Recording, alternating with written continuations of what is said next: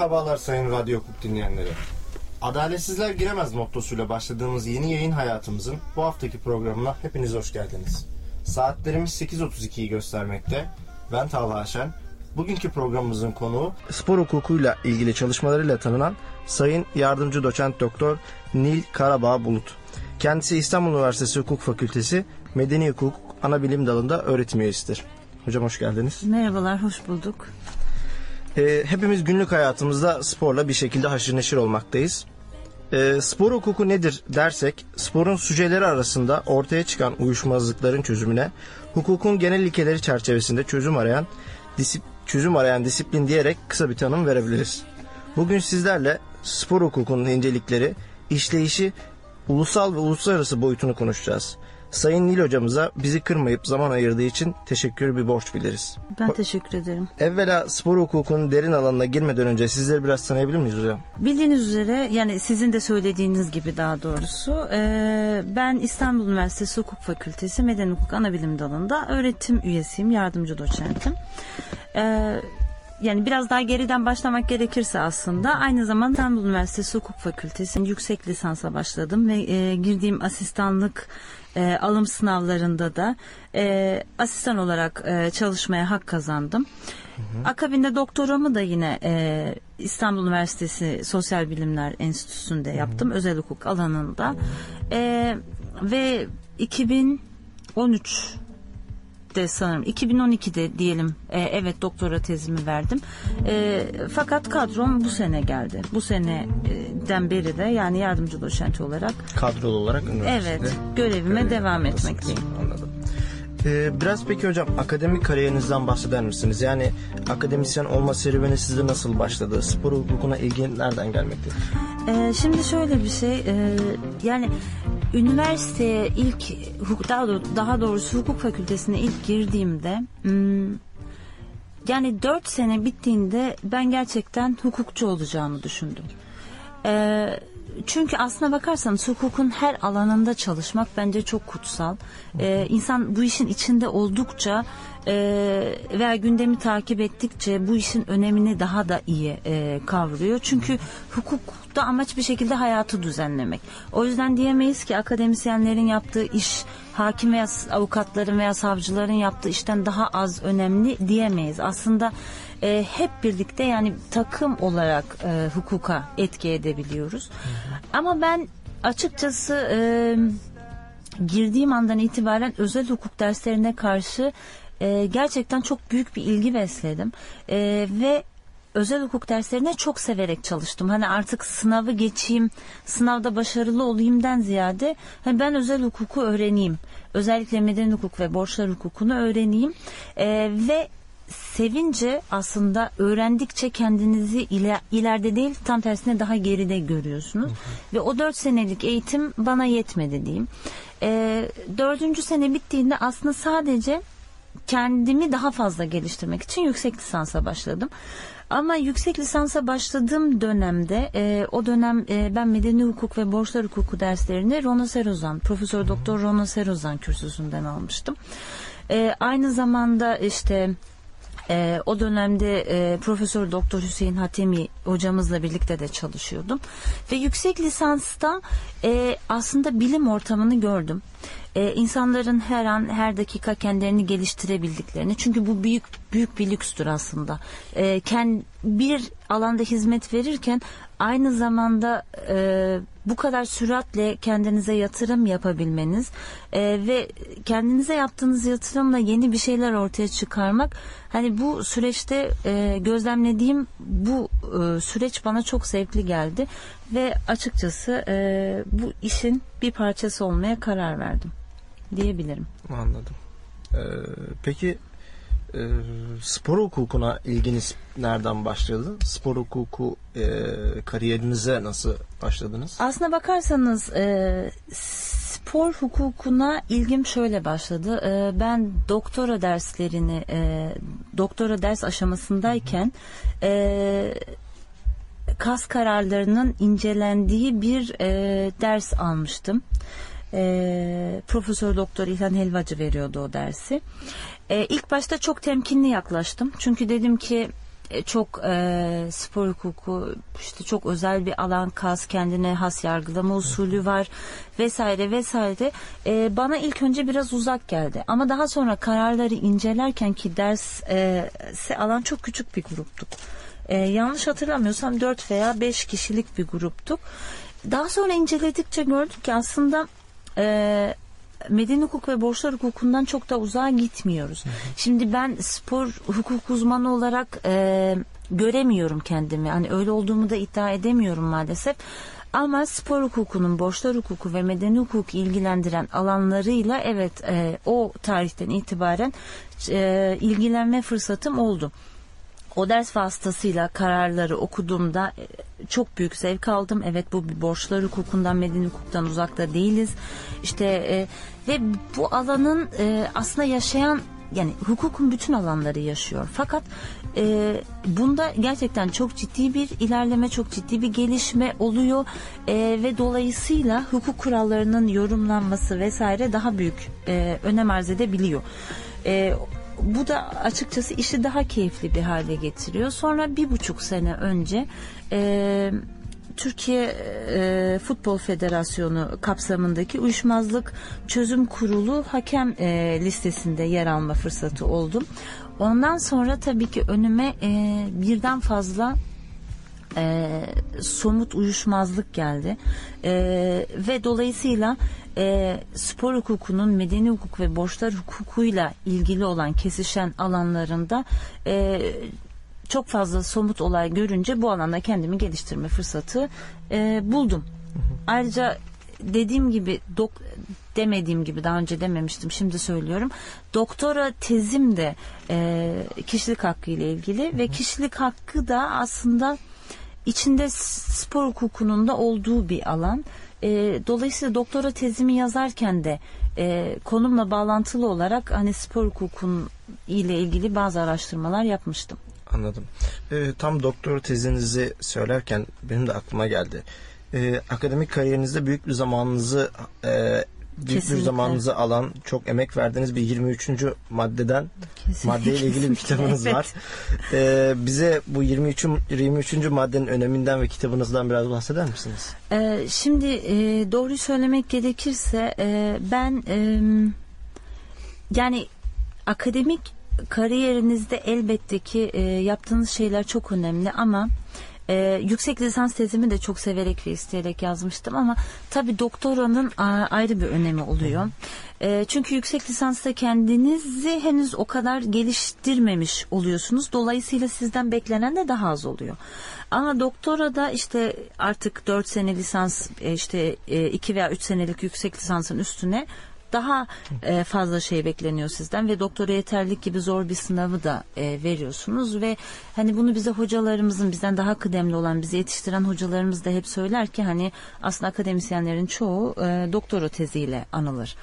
E, o yüzden ben de çok uzun süre e, konu araştırdım E, ve fakat e, birlikte çalıştığım e, yani kürsüsünde bulunduğum kürsü e, hocamız e, Profesör Doktor Selvi Oktay Özdemir bana kişilik hakkının korunması e, konusunu önerdi.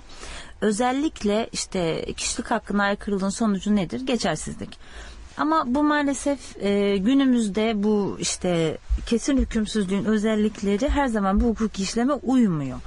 E, işte özellikle yaptırımına dair bir e, tez yazabileceğimi söyledi ama işte konu hakkında da maalesef e, hem Türk hukukunda hem de İsviçre hukukunda çok da yazılmış bir e, açıkçası e, eser zenginliği yoktu.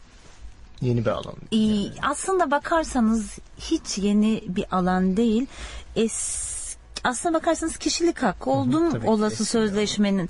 Ama e, yani yazılan şeyler genellikle e, çünkü kişilik hakkı hayatın her alanında var. Hayatın her alan- alanında ihlale açık. Özellikle şu teknolojik gelişmeler, sosyal medya, e, bunun ötesinde e, tar- yani ticaret hayatı aslına bakarsanız kişilik hakkının daha etkin ve daha çabuk korunmasını gerektiriyor. Çünkü kişilik hakkına saldırı kolaylaştıkça aslında korumanın daha daha hızlı daha etkin olması gerekiyor ve bizim kanunumuzda somut bir koruma yok. E, bizim kanunumuzdaki yani somut bir koruma yok demeyeyim pardon. Evet soyut bir koruma var. Yani ne zaman kişilik hakkı ihlal edilmiştir, hangi aşamada e, ahlaka aykırıdır. Mesela bunun ölçüsü verilmiyor haklı olarak. Neden? Çünkü tıpatıp bu ölçüler verilse e, yaşayan hukukun gerisinde kalır düzenleme. Haliyle daha soyut e, her dönemin gelişmeleri ne göre e, sağlanabilen bir koruma veriyor. Aslında ben daha çok bu konuları incelemek için e, tezin başına geçtim. Ama maalesef amacınızla e, sonucunuz her zaman aynı Farklı olmuyor. bazen. Evet. Hani bir yola başlarken daha farklı gereksinimler görüyorsunuz. E, haliyle önce şunu gördüm. E, sizler de borçlar hukukunda ilk önce e, gerçi bu konuya bu kadar uzun vakit ayırabiliyor muyuz bilmiyorum ama Ayırıyoruz. Sizin e, tercihinize bağlı tamam. Ee, yani sözleşme özgürlüğünü biz size anlatırken hep şey diyorduk. Ee, yani sözleşme özgürlüğünün sınırları nedir? İşte emredici hukuk kuralları, işte kamu düzenidir, kişilik haklarıdır, ahlaka aykırılıktır ve konunun işte imkansız olmaması lazım. E şimdi ben işte aslında bu madde böyledir. Ben burada kişilik hakkını çekip alacağım diyordum ama sonra ben e, bu çalışmaya izlerken dedim ki kişilik hakkı zaten emredici bir şekilde konuş, konulmuş, düzenlenmiş. Yani maddede kişilik hakkı var ama zaten emredici hukuk kuralı da diyor. Kamu düzeni nedir acaba? Yani emredici hukuk dedikten sonra kamu düzenini neden ayrıca belirlemiş? Biraz soyut kalıyor. Evet soyut kalıyor ve açıklanmaya çok muhtaç. O noktada anladım ki aslında bu alanda biraz çalışmak lazım. Ee, ve tezimin diğer kalan bölümünü de çok sevip çok sahiplendiğim için orayı da geri bırakmak istemedim. Bu alandaki sınırları daha netleştirmek adına e, tezimin ilk bölümü olması gereken hacmi aştı diyelim. E, ama sonra e, insan yazdığını seviyor ve kolay kolay da vazgeçemiyor. Kendi yaptığı şeylerden ve ben de vazgeçemedim. E, dolayısıyla e, tezin benim için önemi bu. E, ben bunu anlatma fırsatı buldum. E, ve kendim anladım. Umarım umarım kitabımda da anlatabilmişimdir. Yani tezimin bir önemi hani bir katkısı olacaksa bir katkısı budur. İkinci katkısı işte MK 23'te diyor ki kişilik hakları hukuka veya işte ahlaka aykırı derecede sınırlanamaz. Ama birinci fıkrada da diyor ki kimse hak ve fiil ehliyetlerinden vazgeçemez. Şimdi birinci fıkra ne işe yarıyor? İkinci fıkra ne işe yarıyor? Zaten kim e, günümüzde bir sözleşme yapıp hak ve fiil ehliyetinden vazgeçiyorum der. Yani böyle bir şey söz konusu şey. olamaz.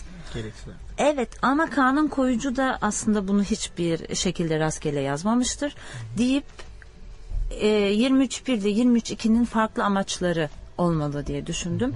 E, ve aslında doktorinde çok da hmm, üzerine eğilmeyen e, bir nokta olduğunu tespit ettim bu tespit ettiğim sorunun E, ve bunun için de çok büyük bir zaman harcadım diyelim E, ve kendime göre bunu bir e, çözüme oturttum. Birinci fıkra hükmünün sadece işte kişiye sıkı sıkıya bağlı hakları korudu ama ikinci fıkra hükmünün sözleşmelere konu olabilen kişilik haklarını konu edindiğine e, dair karara vardım. E bundan sonra şimdi gelelim ikinci fıkraya. Peki ne zaman ahlaka aykırıdır? Kimin ahlakına göre? E, işte görüyoruz cezai şartın kişilik hakkını ihlal etmesinden bahsediliyor. Acaba içeriği sadece para olan bir şey kişilik hakkını ihlal edebilir mi? Edemez mi? İşte e, sizler de kitapları elinize aldığınızda kişilik hakkı nasıl ihlal edilir dediğimizde hep uzun süren e, ilişkilerden bahsediliyor. İşte süresi uzun olan sözleşmelerden. Ama bazen süresi bir sözleşmenin çok kısa olduğu için kişilik hakkını ihlal eder. E, dolayısıyla bundan sonraki hedefim de şu oldu. E, her olaya uygulanabilen yani bu olayı kalıplara sokmak çok tehlikeli. Çünkü kanun koyucu da zaten bunu istemiyor. Dediğim gibi hukuk, e, ticari gelişmeler e, bunlar hiçbir zaman durduğu yerde durmuyor. Hep birazcık daha gelişiyor. Ve bulduğunuz kriterlerin bu gelişime ayak uydurması lazım. E, kendime göre e, öğretide veya uygulamada hocalarımdan da yardım alarak e, danışmanım da Profesör Doktor Sahibi Oktay Özdemir'di. Yani benim ve çalışmanın üzerinde de müthiş bir emeği var. E, bu şekilde o bir takım her olaya uygulanmasa da önemli e, olayların önemli bir kısmında ışık tutabilecek kriterler e, benimsemeye çalıştım. Hani tezimin hizmet ettiği ya da getirdiği bir yenilik varsa bana göre bir tanesi de budur. Ondan sonra da işte kişilik hakkının yaptırımı ile e, kitabı sonlandırdım. Gerçekten çok önemli bir zamanımı aldı. E, ama e, hani bir kitap asla bitmiyor.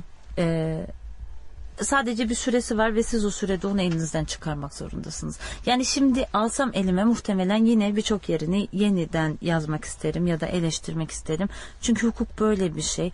Ee, sürekli kendi yazdığınıza da kendinize de sürekli eleştirel bir bakış aç- açısıyla bakmanız lazım. Yani bana göre zaten insan hayatta ben oldum e, işte bu oldu, bu bitti dediği anda aslında kendisini e, kendisindeki ivmeyi e, aşağıya doğru sürüklüyor ve artık yukarı doğru çıkmayı engelliyor. Çünkü e, aslında hiçbir eser bitmez E, ama işte bir yerde artık son noktayı koyuyorsunuz. Benimkisi de öyle oldu diyelim. Anlıyorum hocam. Ee, isterseniz bir kısa bir şarkı arası verelim. Tabii. Daha sonrasında devam ederiz. Ee, bizlere Twitter üzerinden hashtag e, Radyo Hukuk yazarak görüş ve sorularınızı iletebilirsiniz. E, radyohukuk.com üzerinden bizi dinleyebilirsiniz. Play Store üzerinden de Android için e, Radyo Hukuk uygulamamızı indirebilirsiniz. Merhaba sayın dinleyenler. Ee, Dil hocamızla spor hukuku hakkında yaptığımız e, sohbetimiz kaldığımız yerden devam ediyor. Ee, hocam öğrencileriniz de bildiği gibi fanatik bir Beşiktaşlısınız. Sizin için Beşiktaş'ın ve sporun önemi nedir? Ee, şimdi fanatik demeyelim de tutkulu bir Beşiktaşlıyım diyeyim. Ee, yani aslına bakarsanız e, Beşiktaş benim için ne demek çocukluğumla aramdaki bağlantı diyebilirim. Çünkü ben e, Ali Metin Feyyaz e, döneminde Efsane dönem. evet o efsane dönemde e, yani aklımı kestiği zaman o efsane dönemdi. E, ve bizim çocukluğumuzda işte böyle iPad'tir vesairedir olmadığı için biz evlerimizin bahçelerinde sokaklarında oynardık. E, böyle sakızlardan onların resmi vesairesi çıkardı ve bizim ilkokulda bütün sınıf Beşiktaşlıydı istisnasız. Yani bir iki istisna elbette vardı ama onları hatırlamıyorum bile. E, ve şöyle bir şey e, ya ip atlarsınız ya futbol oynarsınız. E, sporla olan bağlantımız bunlardan ibaretti. E, çünkü okuldaki yaptığımız tek spor faaliyeti işte karne döneminden önce bir iki takla atmakta binder üstünde. E, spor derslerimiz bundan ibaretti. Ben tabii ki de ip atlamayı vesaireyi de çok seviyordum ama e, futbol oynamayı da çok seviyordum. E, ve fakat tabii ki e, beni çok da oynatmak istemiyorlardı haklı olarak. Çünkü erkekler hani bu oyunu hep bir erkek oyunu olarak görüyorlar. Yalnız e, zamanla işte işte rüşvetle, çikolatayla, gofretle şuna geldik. E, beni kalenin yanına koyuyorlardı. Benim tek yaptığım offside'a düşmeden topu bekliyordum ve işte geldiği zaman gol atıyordum. Bir nevi Cenk Tosun'dum diyebilirim yani. Ama e, sonra zamanla fark ettiler ki o işi yapıyorum. E, ve haliyle e, çocukluğumun büyük bir bölümü işte e, futbol oynayarak, futbol hakkında konuşarak, işte o sakızlardan o resimleri toplayarak geçti. Hatta e, aklımda çok net bir slogan var. 1 2 3 yetmez, 4 5 6 olsun. E, Metin Ali Feyyaz vursun Beşiktaş'ım şampiyon olsun gibi o dönemi yani böyle sloganlarını da çok iyi hatırlarım. Haliyle e, ben yani bu şartlar altında çok güzel bir çocukluk geçirdim. Ee, ve Beşiktaş'ta benim çocukluğumla olan aramdaki bağlantı diyebilirim. Ee, çünkü daha sonra e, Türkiye'den ayrılmak zorunda kaldım. Uzun bir dönem yurt, yurt dışında yaşadım. E tabii ki e, Ankara'da hani doğmuş e, doğmamış da Ankara'da büyümüş bir insanın sonrasında yurt dışına alışması da çok zor. E, ve bu ne zaman arkadaşlarımı özlesem işte ne zaman bir Beşiktaş maçı çıksa vesaire ben izlesem hani arkadaşlarımla berabermişim e, gibi geliyordu bana ve bu benim hani e, sosyal ilişkilerimi vesairemi de çok etkiledi. O yüzden hani gerçekten e, Beşiktaş'ı hani başarılı olsa da olmasa da hani ne olursa olsun e, gerçekten kendimi o camiaya çok yakın hissettiğim için hani mutlu da hissediyorum. E, kendimi statta da mutlu hissediyorum. E, maçlarda da mutlu hissediyorum ve benim için yani büyük bir mutluluk kaynağıdır Beşiktaş. Aynı zamanda biraz da heyecan verici bir şey oluyor. Beşiktaş'ı takip etmek Lyon maçından. Evet hiç sormayın. Ee, yalnız gerçekten Lyon maçında o kadar e, güzel bir taraftar vardı ki hani e, takımın zaten ne kadar iyi olup olmadığı televizyondan görülüyor. Ama taraftar o kadar iyiydi ki gerçekten bir kere daha e, gurur duydum. Çünkü ben şuna kızıyorum. E, çok başarı odaklı bir e, taraftar grubunu açıkçası ben sevmiyorum. Ha, benim de eleştirdiğim oluyor, oyunculara kızdığım oluyor vesaire ama spor her ne kadar endüstrileşse de aslına baksan, bakarsanız bir eğlence e, aracıdır. E, ve elbette ki istersiniz ki takımınız güzel oynasın ve her şey e, yolunda gitsin. Ama işte ustada illa kazanmak için değil beraber şarkı söylemek. E, Ne oluyor? Böyle bir kendinizi bir camiaya bağlıyorsunuz. Ortak değerleriniz oluyor. e, ortak paylaşımlarınız oluyor ve bunlar sizi dediğim gibi hayata bağlayan şeyler. Ve o maçta e, yani ben yenildiğimizi de düşünmüyorum. Kendimizi yenilmiş de saymıyorum açıkçası. Çünkü hani penaltılara kadar gerçekten o kadar e, güzel bir mücadele verdi ki takım. Ha kızdığım futbolcular olmadı mı ya da üzüldüğüm bu daha iyi olabilirdi, daha iyi yapabilirdik e, dediğim oldu. Ama hiçbir önemi yok. E, bence güzel bir başarıydı. Yani keşke devam etseydik. Çünkü mesela benim küçüklüğümde şey Galatasaray UEFA kupası aldığında ben bir Beşiktaşlı olarak e, çok sevinmiştim. Ve emin olun bu tür başarılar bütün ülkeye iyi geliyor. evet kesinlikle. Evet çünkü insanlar e, yani hep beraber bir şeylere sevinmenin tadı apayrı. E, elbette hepimizin bireysel başarıları var ama bunlar bizi birleştiriyor, bunlar bize cesaret veriyor. Mesela ee, işte bu e, dünya üçüncüsü olduğumuz zaman e, ben yurt dışındaydım. E, Türk futbolcularının isminin orada e, yabancılar tarafından bilinmesi, mesela ben İlhan Mansız'ım demesi birinin e, size çok iyi geliyor. E, kendinizi bu küreselleşmede kendinize bir yer buluyorsunuz. Ya evet benim ülkemde var, ben de varım e, diyorsunuz. E, ve aslında hani spor bunlara hizmet ediyorsa e, güzel e, diye düşünüyorum. Başarı elbette ki önemli, moral veriyor. E, başarı başarıyı getirir. Maalesef başarısızlıkta e, başarısızlığı getirir. Maalesef. Ama hani biz taraftarlar için eğlenmek bu işin önemli bir parçası ve gerçekten bunun keyfini çıkarmak lazım diye Kesinlikle düşünüyorum. Ee, uyuşmazlık çözüm kurulundan bahsettiniz bir 5 dakika önce. Hı, uyuşmazlık evet. çözüm kurulunda olduğunuzu e, biliyoruz. Hakem kurulundasınız.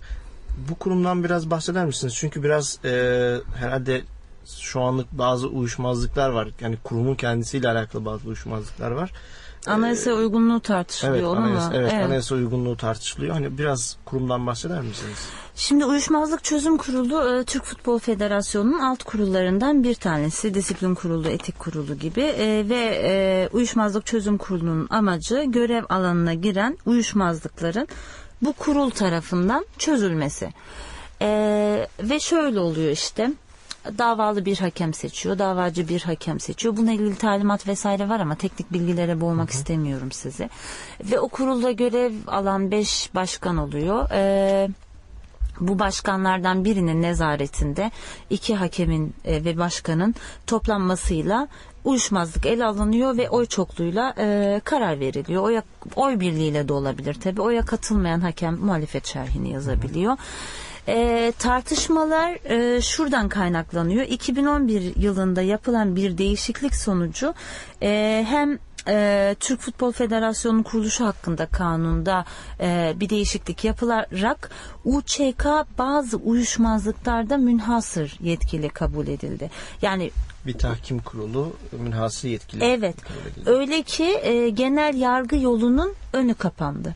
Şimdi burada iki tane tartışma oldu. Bir, burada e, zaten e, çünkü sadece spor faaliyetlerinin yönetimi ve disiplinine ilişkin hususlarda değil e, takımlarla futbolcular yani kulüplerle futbolcular e, veya işte menajerlerle futbolcular ya da işte menajerlerle kulüpler arasındaki sözleşmeden doğan yön, e, uyuşmazlıklar da münhasır yetki kapsamına girince buradaki ilk tartışma şu oldu 59. maddeye aykırı ne aykırı işte bir futbolcu ile bir kulüp arasındaki sözleşmeden doğan bir uyuşmazlığın uyuşmazlıkta UÇK'nın münhasıran e, görevli ve yetkili olması anayasa aykırı mı değil mi? E, bu tartışması bu tartışma ortaya çıktı. Çünkü anayasanın 59. maddesine baktığımızda spor federasyonlarının spor faaliyetlerinin yönetimine ve disiplinine ilişkin e, kararlarına karşı zorunlu tahkim yoluna başvurulabilir ancak zorunlu tahkim yoluna başvurulabilir ve bu kararlar kesin olup işte e, genel yargı yolu kapalıdır deniyor. İşte bu sefer dendi ki ya bir saniye sözleşmelerden doğan uyuşmazlıklar spor faaliyetlerinin yönetimi veya disiplini ile ilgili değil ki. Mesela bir müsabaka dolayısıyla bir futbolcuya ya da bir kulübe verilen ceza başka. Eee ama işte bir alacak işte bir futbolcunun bir kulüpten alacağının olması bu bambaşka bir şey. Ee, bu hani spor faaliyetlerinin yönetimine ve disiplinine ilişkin değil e, dendi. Bir bu tartışma var. İkinci tartışma da e, bu alanda olsa bile acaba sadece spor faaliyetlerinin yönetimine ve disiplinine ilişkin kararlarda genel yargı yolunu kapamak ne kadar e, anayasal ilkelerimizle bağdaşıyor. Çünkü bir de şöyle bir şey var. Biliyorsunuz ki bize bireysel başvuru geldi. Ama e, bireysel e, başvuru bakımından Anayasa Mahkemesi'nin işte kuruluş ve görevleri hakkındaki kanunun e, ilgili hükmü şunu yasakladı. Dedi ki e, genel yargının görevi dışında kalan konularda bireysel başvuruda verilemez. E, bir- bireysel başvuruda yapılamaz. Şimdi siz ne yaptınız? E, bu düzenlemelerle genel yargının e, alanından spor hukukunun önemli bir kısmını çıkardınız. Şimdi bunu yaptığınız noktada bir kere zaten sözleşmelerle ilgili e, olan davalar bunun kapsamına girer girmez mi tartışması var. Bunu bir cebimize alalım. Bir de bu met- bu yaptığınız tercihi e, hak arama özgürlüğünün neresiyle bağdaştıracaksınız? Yani hak arama özgürlüğü biliyorsunuz hem e, anayasamızda korunan bir özgürlük hem taraf olduğumuz uluslararası sözleşmeler kapsamında e, korunan bir özgürlük. E, Peki e, hak arama özgürlüğünün aşırı derecede sınırlanması olur mu olmaz mı? Bununla ilgili tartışmalar var. E, çünkü anayasa temel hak ve özgürlükleri düzenlerken elbette ki bireyin e, bireylerin devlete karşı olan e, daha doğrusu bireylerin bu temel hak ve özgürlüklerini devlete karşı koruma altına almak istiyor ama aynı zamanda dolaylı olarak bireyler arasında da e, uygulanıyor. Ve genel yargı yoluna gitme özgürlüğü aslında kişi özgürlüğüyle de çok yakından alakalı. Ee, ve böyle olunca bu konuda önemli e, hukuki tartışmalar Kişi çıktı. özgürlüğüyle zaten sizin çalıştığınız alana da geliyor biraz aslında. Evet yani kişi kendiliğinden vazgeçse bile e, mesela işte e, futbolcu sözleşmesinde dedi ki e, ben UÇK'nın yetkisini kabul ediyorum. Diyelim ki UÇK'nın münhasır yetkisi yok kanunda. Dedi ki ben bunu kabul ediyorum. Kesinlikle e, genel yargı yoluna da gitmeyeceğim. E, bunun kendisi bile e, hak arama özgürlüğünden bu kadar tasarruf edebilir miyiz? Bu miktarda tasarruf edebilir miyiz? Bunun kendisi bile tartışmalıyken işte e, aslına bakarsanız e, önemli bir önemli miktarda bir uyuşmazlığı genel yargı yolundan mahrum bırakmak ne kadar e, doğru.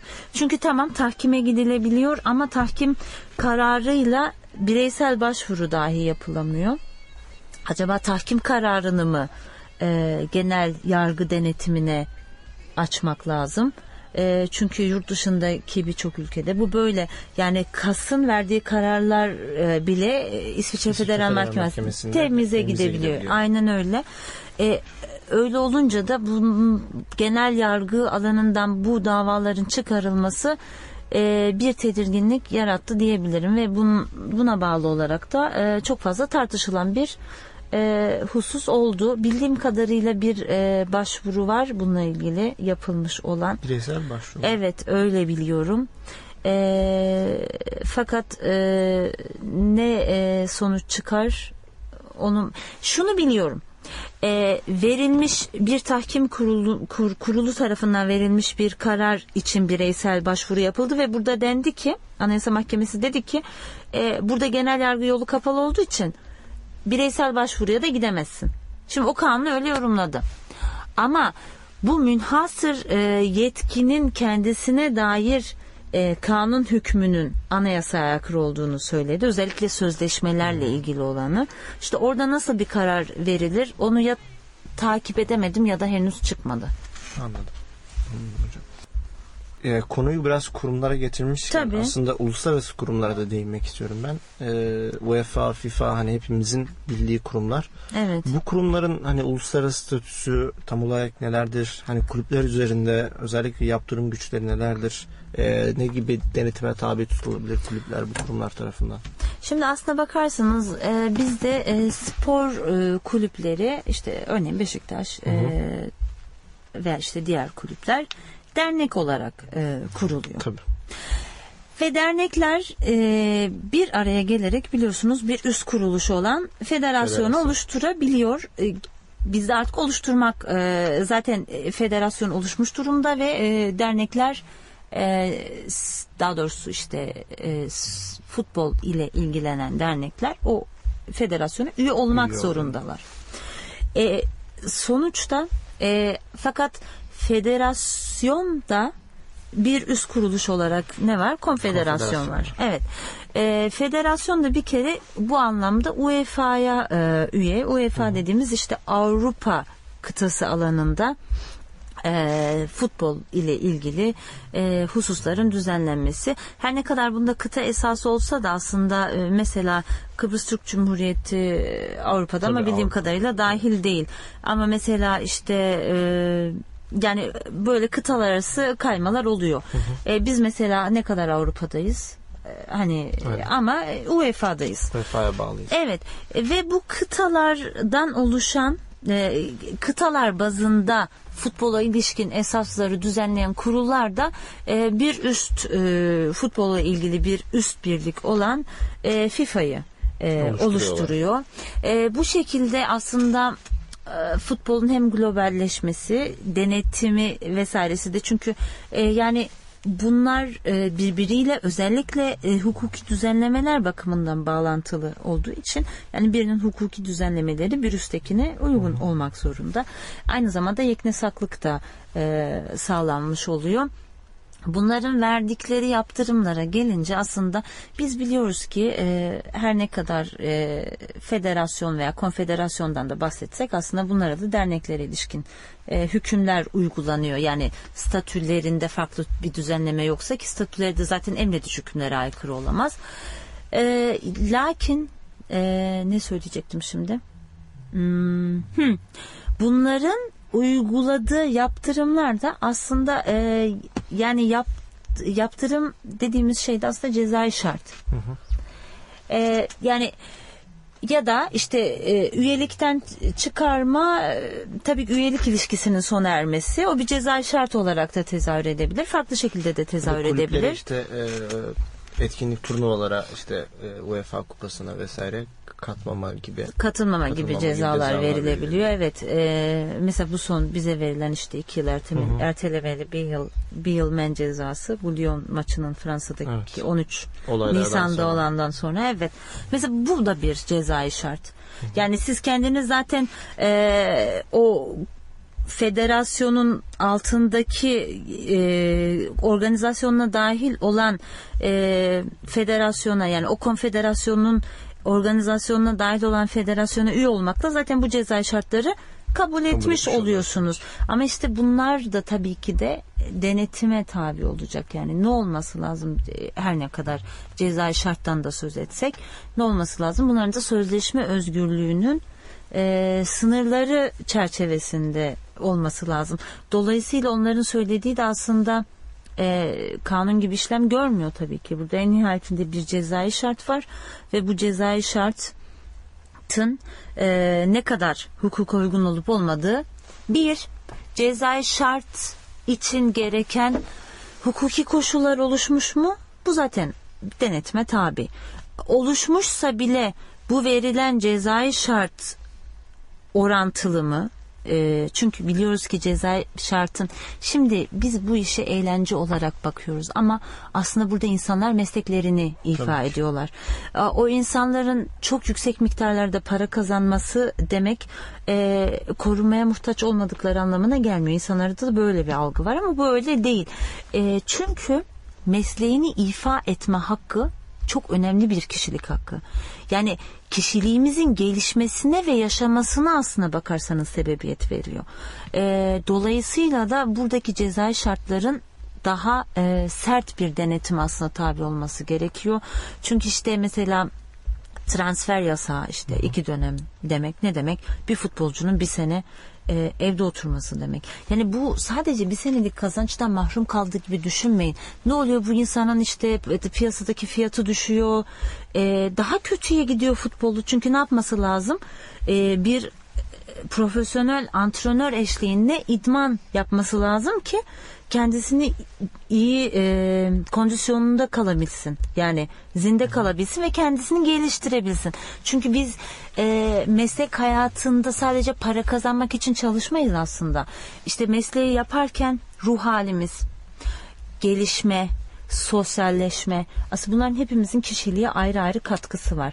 E, ve dolayısıyla kişilik hakkı korunurken de bu katkıların e, dikkate alınması lazım. Hatta öyle ki şu an yurt dışında bu bile tartışılıyor. Mesela bir futbolcuyu alıyorsunuz işte örnek veriyorum forvet ya da ne bileyim ön libero ama yerine oynatacağınız zaten bir e, bir futbolcunuz var. Bunu oynatmıyorsunuz. Bu bir sene şeyde bekliyor. E, Kulübede bekliyor. evet. Acaba bu tazminat isteyebilir mi bu yüzden e çünkü bir yerde de aslında adamın meslek hayatına çok ciddi bir darbe vuruyorsunuz. Hani e, hiçbir şans vermiyorsunuz. Asla takıma sokmuyorsunuz. E, yani bir yerde de şunu geliyor. Ya biz bunu aldık ama hiçbir şey yaramadı. E tabii o o insanın ne yapacak? Ondan sonraki e, meslek hayatını da çok ciddi bir şekilde engelleyecek. Yani yurt dışında bu bile tartışılıyor artık. Acaba bu bir kişilik hakkı ihlali midir? Ee, ve dolayısıyla özellikle de bu maçlarda yaşanan gerginlikler sonucu verilen e, işte cezalar e, sportif olmayan hareketler karşılığında verilen cezalar vesaire yani bunların hepsi e, ceza şart ve bu açıdan aslında bir denetime tabi. Ama dediğim gibi artık futbol e, bir endüstri haline geldi. E, yani spor ile muhakkak bir bağlantısı var ama işte hmm, spordan çok sanki ticarete yaklaşıyor gibi. Çünkü artık altyapıdan işte futbolcu alıp geliştirmekten ziyade önemli olan ne? Ee, en uygun fiyata en iyi futbolcuyu alıp en uzun süre oynatmak ya da iyi oynamıyorsa işte sözleşmesi biter bitmez en iyi fiyata yine elden çıkarabilmek. Ee, o noktadan sonra aslında futbolun spora ne miktarda katkı yaptığı e, ayrıca düşünülebilir. Tabii ki. Tabii ki hocam. Ee, kısa bir ara verelim. Tamam. Ee, aradan sonra kaldığımız yerden devam edelim. Yayınımıza kaldığımız yerden devam ediyoruz. Spor hukuku hakkında Nil Hoca ile e, konuşuyoruz. Hocam e, kişisel kişilik hakkıyla alakalı çalışmalarınız var ve spor hukukuyla alakalı da çalışmalarınız var. Kişilik hakkının spor hukukundaki önemini sorsak neler söyleyebilirsiniz? Ee, aslında işte e, daha demin biraz bahsettim.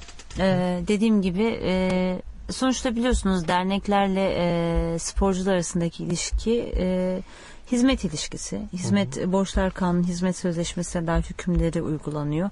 İş sözleşmesinde yer alan özel kanun dolayısıyla e, pardon özel hüküm dolayısıyla bunlar iş kanunu kapsamından çıkarılmış. E, ve e, işte futbolcunun e, mesleğini e, icra etmesi tabii ki kişiliğinin önemli bir parçası. E, ama bunun dışında işte biliyorsunuz futbol çok uzun süre icra edilebilen bir meslek değil. E, dolayısıyla zaten e, Türk Futbol Federasyonu'nda 5 yıllık bir süre sınırlaması var ama işte bunun buradaki sözleşmeler özellikle süre sınırı aşısından çok ciddi yani daha e, çabuk e, sınırlayabilecek nitelikte. Çünkü çok uzun yıllarla yapılabilen bir meslek değil. E, sonrasında baktığımızda futbolcularının imaj haklarının önemli bir pazarlama aracı olduğunu görüyoruz. İşte bu alanda yapılan sponsorluk sözleşmeleri bakımından Çok kişilik hak yüksek miktarda olabiliyor gerçekten. Evet gerçekten çok yüksek miktarda olabiliyor. Hatta dünyaca ünlü tanınmış futbolcuların imaj haklarının pazarlanması veya sponsorluk sonucu kazandığı paralar aslında neredeyse futbolculuk yani futbol hayatlarından kazandıkları paralarla yarışıyor. Belki de daha fazla oluyor, geçiyor.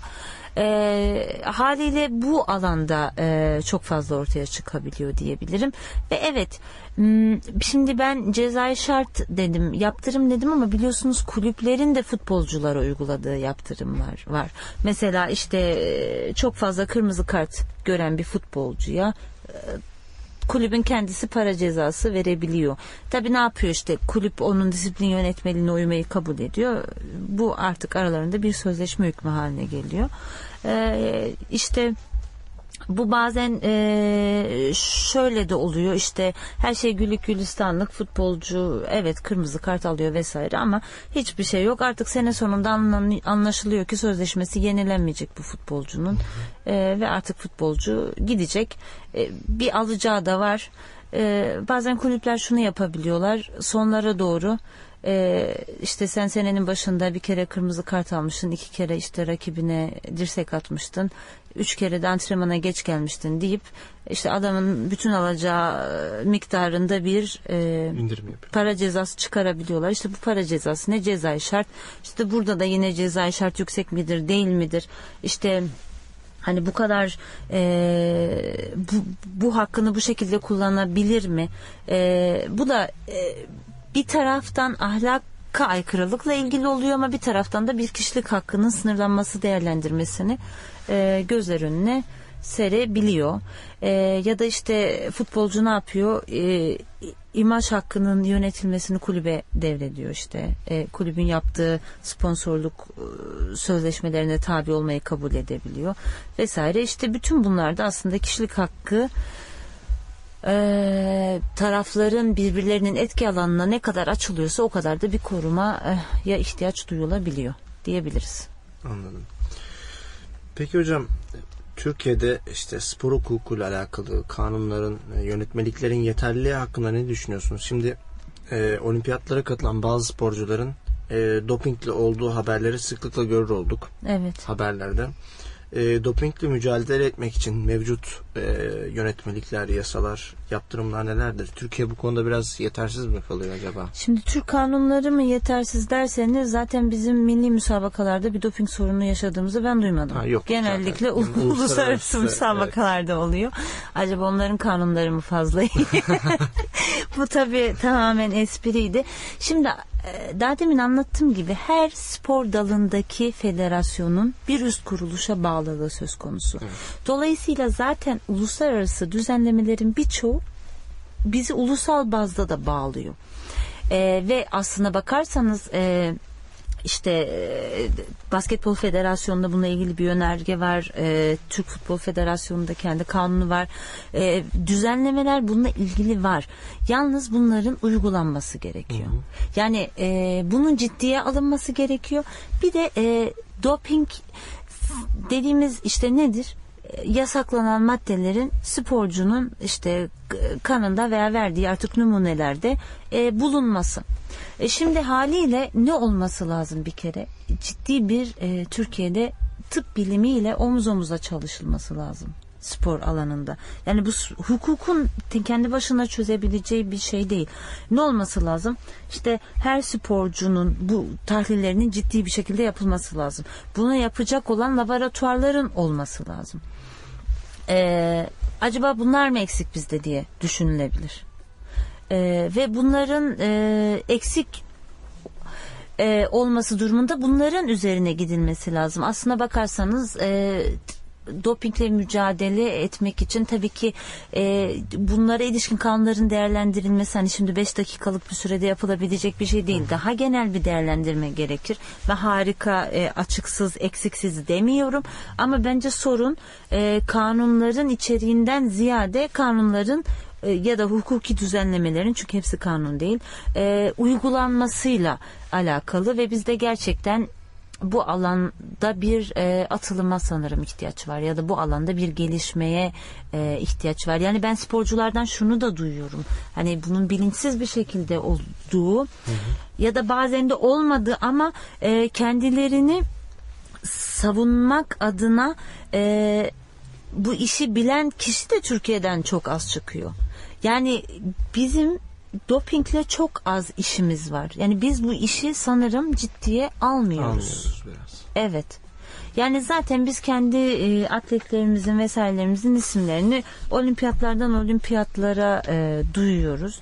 E, yani ben kendimi bildim bileli e, haksız bir eleştiri yapıyor muyum bilmiyorum ama e, zaten futbol dışındaki ya işte bu son zamanlarda basketbol belki e, bunun dışındaki spor dallarında gelişmek isteyen insanlar hep kendi çabaları kendi ceplerinden harcayarak annelerinin babalarının desteğiyle e, zaten bu alandaki bu alanda sahiplenme az olduğu için yani e, dolayısıyla doping de bence bununla beraber gelen bir şey diye düşünüyorum. Anladım hocam. Biraz öğrencilerin gözünden bir soru sormak istiyorum Evet. size. Ee, hukuk fakültesinde okuyan genç hukukçuların yani öğrencilik lisans döneminde olan e, öğrencilerin bu alana yönlendirmek adına hani neler söyleyebilirsin, neler yapmaları gerekir? Ee, öğrencilik yıllarında ne gibi adımlar atması gerekir?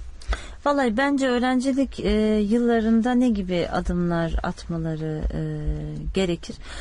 Açıkçası spor hukukundan bahsediyorsak e, spor hayatımızda olan bir şey. E, sporla ilgili e, birçok haber duyuyoruz.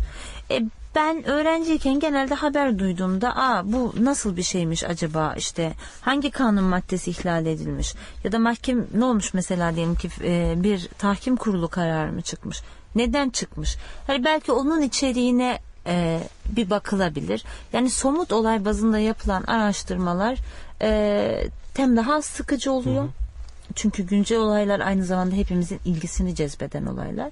Hem daha az sıkıcı oluyor hem de sizi parça parça geliştirebilir. Yoksa bir e, öğrencinin zaten özellikle İstanbul Üniversitesi Hukuk Fakültesinde okuyorsa bu kadar ağır ders yükleri varsa işte sıfırdan kendisini spor hukuku alanında tip top eksiksiz bir şekilde kendi başına geliştirmesi e, beklenemez. E, daha sonra bununla ilgili eğitim veren hmm, kurumlar var. Ee, buna ilişkin dersler olabiliyor yüksek lisans ve doktora programlarında. Ee, bunlarla olabilir ve bu alanda çalışarak aslında e, en çok da e, kendilerini geliştirebilirler e, diye düşünüyorum. Ama dediğim gibi spor hukuku dediğimiz şeyin usul yönü var. İşte maddi hukuk yönü var. Daha çok medeni hukuk ve borçlar hukuku dediğimiz e, ceza hukukuyla alakası var. idari hukukuyla alakası var. Hepsine hakim olmamız zaten e, çok da mümkün değil bana göre. Yani hepsine genel hatlarıyla hakim olabiliriz ama hepsine en ince ayrıntısına kadar hakim olmak mümkün değil. Elbette ki her e, kişinin bu işte özel hukuk kamu hukuku ayrımında daha kendisine yakın hissettiği e, bir alan vardır. Zaten kişi kendisini zamanla keşfettikçe de o alanlara yöneliyor. E, bu da okumayla araştırmayla olur diye düşünüyorum. Anladım hocam. Ee, sosyal medya üzerinden bir soru gelmiş de spor hukuku disiplin yargılamasında televizyon görüntülerinin delil niteliği uluslararası hukukta ve iç, iç hukukta farklı mıdır? diye bir soru gelmiş. Aslında bakarsanız işte bu da evet e, usulle ilgili bir şey ama e, disiplin yargılaması derken neden e, bahsediyorsunuz? Mesela o işte federasyonun kendisine mensup futbolcuya veya e, e, kulübe e, verdiği. Şimdi e, bizim açıkçası federal e, bizde şöyle bizdeki yargılamada e, öncelikle tabii ki de e, eğer e, fe- futbol federasyonunun kendi e, düzenlemelerinde özel hükümler kabul edilmediyse usul hukuku kuralları geçerli. E, yani yargılamalar vesaire usul hukuku kuralları kapsamında oluyor. Ama orada aslında tam bir yargılama da yok. Yani e, futbolcuya e, ceza verilirken veya işte kulübe taraftarı yüzünden ceza verilirken aslında orada yapılan şey yargılama değil ki. Orada yapılan şey çünkü yargılamayı kim yapar? Mahkeme yapar. Orada yapılan şey değerlendirme. E, dolayısıyla e, bu değerlendirmeyi yaparken e, sonuçta ne yapacak işte gene genel kurallara gideceğiz. O görüntüyü hukuka uygun bir şekilde elde etmişse değerlendirmeye alacak. E, Zaten de bir müsabakada hukuk dışı bir görüntü elde etmek mümkün olmadığına göre ben arada çok büyük e, farklılıklar olduğunu e, zannetmiyorum. Ama şimdi şöyle bir şey e, de söylemek istemem. Tabii ki de bunun uluslararası boyutuna hakim değilim. Ama dediğim gibi biz her hukuk dalında e, bir üst kuruluşun koyduğu düzenlemelerle bağlı olduğumuz için arada çok büyük temel farklılıklar olmayacaktır ve zaten de burada da bir e, yargılama değil tekrar söylüyorum e, federasyonların verdiği cezalarda en fazla değerlendirme olabilir. E, yargılama ne zaman olur? O futbolcu kendisine verilen cezaya itiraz ederse biz tahkim hukukunun yaptığına belki yargılama diyebiliriz.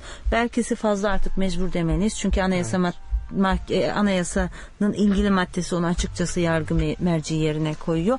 O takdirde de o görüntülerin dikkate alınıp alınmayacağı neye göre belirlenecektir? Bizim ülkemizdeki e, usul kurallarına göre belirlenecektir. Ve bu aşamada da açıkçası orada bir maddi vaka tespit etmeye çalışıyorsunuz. E, dolayısıyla e, bunun farklı ülkelerde farklı muamele görebilmesini ben düşünemiyorum. Çünkü sonuçta neyi tespit etmeye çalışıyorsunuz? Taraftar işte yanıcı madde atmış mı atmamış mı? Taraftar vurmuş mu vurmamış mı? Ya da işte ne bileyim futbolcu yumruk atmış mı atmamış mı? E, sonuçta bunları da görüntü olmadan tespit edemezsiniz açıkçası diye düşünüyorum. Bazı hukuk öğrencileri aslında diğer öğrenciler öğrenciler de yapıyor ama bazı hukuk öğrencileri öğrencilik zamanlarında e, işte federasyona bağlı e, resmi müsabakalarda hakemlik yapıyorlar. Evet. Sizce hani bu hukukçu hakemlerin artması spor hukukuna bu spor hukukuna etkisi nasıl olur? Yani e, nasıl bir etkisi olur? Aslında bakarsanız e, yani şöyle bir şey söylersem e, ayıplanır mıyım bilmiyorum. Çünkü ben gerçekten hayatımın hiçbir alanında iddialı olmayı sevmemişimdir. Daha önce söylediğim gibi kendi adıma da çok iddialı cümleler kurmayı sevmem ama e, hukukçu olmayı başardıysanız her şeyi daha iyi yaparsınız diye düşünüyorum. E, çünkü hukuk insanın gerçekten problem çözme e, yönündeki zekasına ciddi derecede katkıda bulunan bir e, bir alan. E, yani hep belki de fark ediyorsunuzdur. E, gerçekten etrafınızda olan çok basit sorunlara bile çok pratik çözümler getirebiliyoruz bir zaman sonra. Çünkü sorunu biliyoruz. Kuralı biliyoruz. Zaten hakemlikte ne yapmamız lazım? Yönettiğimiz müsabakanın kurallarına hakim olup karşılaştığımız bir sorunun o kuralın uygulama alanına girip girmediğini, o kuralın ihlal edip etmediğini tespit etmemiz lazım. Peki biz hukukta ne yapıyoruz normalde? Zaten tam olarak bunu yapıyoruz. Dolayısıyla eee Bence hukukçu hakemlerin artması elbette ki e, spor alanında önemli bir e, gelişme olur.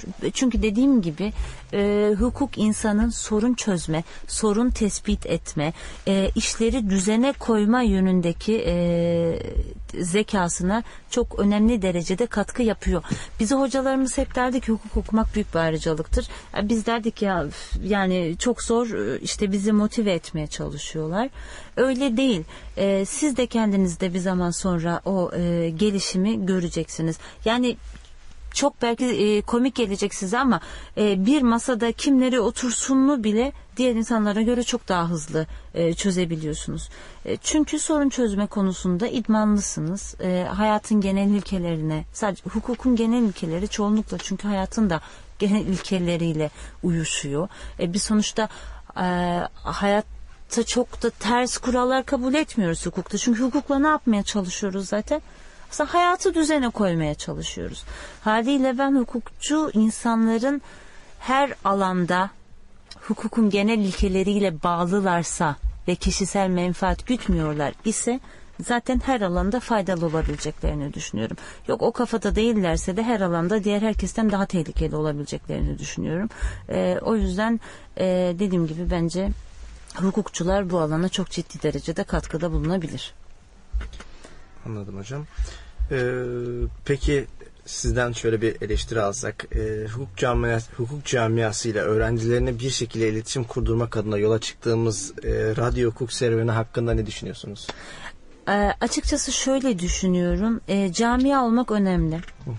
Ee, dediğim gibi insan e, kendisini bir yere ait hissettiğinde oradan hem güç alır. Ee, hem de e, hayat bir paylaşımsa e, birbirimizin hayatlarına dokunarak aslında bu da bir alışveriş. E, birbirimizin hayatlarını kolaylaştırabiliriz, güzelleştirebiliriz. Şimdi birbirimize iş bulmaktan, borç vermekten bahsetmiyorum. Ee, birbirimizin sorunlarını çok yakından tanıyoruz. Ee, şimdi bir öğrenci sınav döneminde sıkıldığında bunu işte en yakına hukukçu olmayan, yani hukuk fakültesini okumayan bir arkadaşına söylediğinde o kişiler onu sadece anlıyorum deyip geçiştirebilirler. Ama aynı sorunları yaşayan bir e, yakınları veya bir tanıdıkları gerçekten ne hissettiğini daha iyi anlar. Yani ortak nokta insanın hayatında ortak noktalar çok önemli. İşte bu yüzden takım tutuyoruz. İşte bu yüzden ülkemize önemli bir aidiyet hissediyoruz. Bu yüzden mahallemize bile aslında bağlıyız bir yerde. İyi ki üst mahallede oturmamışız diyoruz. Sanki orada otursak farklı bir insan olacakmışız gibi. İşte e, bu birliktelikler, bu birlikler güzel ve e, bence iletişim e, kanalı da e, birbirini tanımayıp da aynı camiaya mensup olan insanlar arasında da iletişim kurduğu için çok önemli. Çünkü gerçekten zaten iletişim çok önemli. Ve e, ben şunu gözlemliyorum. Ben kendi öğrenciliğimde de bunu gözlemledim ama şu anda arttığını görüyorum. Hukuk fakültesi tabii çok fazla öğrenci alıyor. Çok fazla öğrenci alınca bu öğrencilerin birbiriyle tanışıp kaynaşması da çok mümkün olmuyor gö- gözlemleyebildiğim kadarıyla. İşte 4-5 kişilik gruplar e, vesaire. Belki okul bittiğinde birbirinizi resmen e, tanıyor olacaksınız. Haliyle fiili paylaşım e, çok da fazla değil. Ama e, yani zaten fiili paylaşımın katkısı farklı. Bu radyo kanalıyla yapılacak olan e, iletişimin e, amacı ve yararı farklı olacaktır. Bence bu bizim fakültemiz için çok güzel bir gelişim. Yani hem bunu düşündüğünüz için hem bu kadar e, kısa bir sürede e, güzel bir şekilde organize ettiğiniz için aslında size gerçekten teşekkür ediyorum. E, çünkü bence bizim fakültemiz adına çok güzel bir gelişme. Büyük bir fakülte, çok fazla üyesi var e, ve ben bir radyo kanalının önemli olduğunu düşünüyorum açıkçası. Biz teşekkür ediyoruz hocam. Ee, toparlayalım isterseniz. Tabii. Ee, son olarak öğrencilerimize, bizlere söylemek istediğiniz bir şey var mı? Ee, yani aslında ben öğüt vermeyi de çok sevmiyorum. Çünkü bence insanlar yaşayarak öğreniyor. Ee, bazen işte kendimi verirken buluyorum acaba yaşlandım mı diye düşünüyorum ama sonra onu hatırladım hemen zaman otokontrol giriyor. Yani ben şunu gördüm. Hayat çok hızlı geçiyor. Çok çabuk geçiyor. Zaman çok çabuk geçiyor. Ee, gerçekten her anın, her saniyenin e, tadını çıkararak yaşamak e, lazım. Ee, bunu niye söyledim? Özellikle sınav zamanlarında ben kendi öğrenciliğimden bilirim. Hayat durur. Herkes yaşar ama siz yaşamadığınızı düşünürsünüz. Ee, hiç unutmuyorum. Bir kere bir arkadaşım e, uzun bir süre evden çıkmayı reddettiğim için e, beni işte zorla gerçekten elimden tutup taksiye atıp zorla Pierre Loti'ye götürmüştü. Ee, orada sadece bir kahve içelim tamam söz ben seni kütüphaneye işte kitabının başına koyacağım demişti ki ben çok fazla çalışan bir öğrenci değildim. Orada kahve içtiğimde demiştim ki herkes yaşıyor ama ben ben istemediğim için yaşamıyorum. Hani aslına bakarsanız evet sınav önemli vesaire her şey önemli ama hani zamanınızı düzgün planladığınızda her şeye vakit ayırabiliyorsunuz ve her şeyin telafisi var. E demek ki ne yapmak lazım? Geçirdiğiniz her dakikanın eşsiz olduğunun bilincine vararak e, yani hayatın güzelliklerinden kendinizi mahrum bırakmadan yaşamanız lazım. Hani söyleyebileceğim en fazla budur. Yok işte hukuk için onu yapın, bunu yapın. E, insan oğlunun parmak izi kadar farklı hayalleri var. E, herkes zaten kendisinin ne yapması gerektiğini bir gün anlıyor. Evet hocam duygularımıza da tercüman oldunuz böylelikle. Estağfurullah. Ee, evet sevgili dinleyenler hukuk spor hukuku hakkında konuştuk bugün. Ee, Nil hocamızla beraber bu sohbetimizin de bugün sonuna gelmiş bulunduk. Ee, hocamıza e, bize eşlik ettiği ve sorunu, sorularımızı cevapladığı için teşekkür ediyoruz ve bütün dinleyiciler, dinleyicilerimize iyi akşamlar diliyoruz. Hukuk ve adaletle kalın efendim. Ben teşekkür ederim. Ben de herkese iyi akşamlar diliyorum.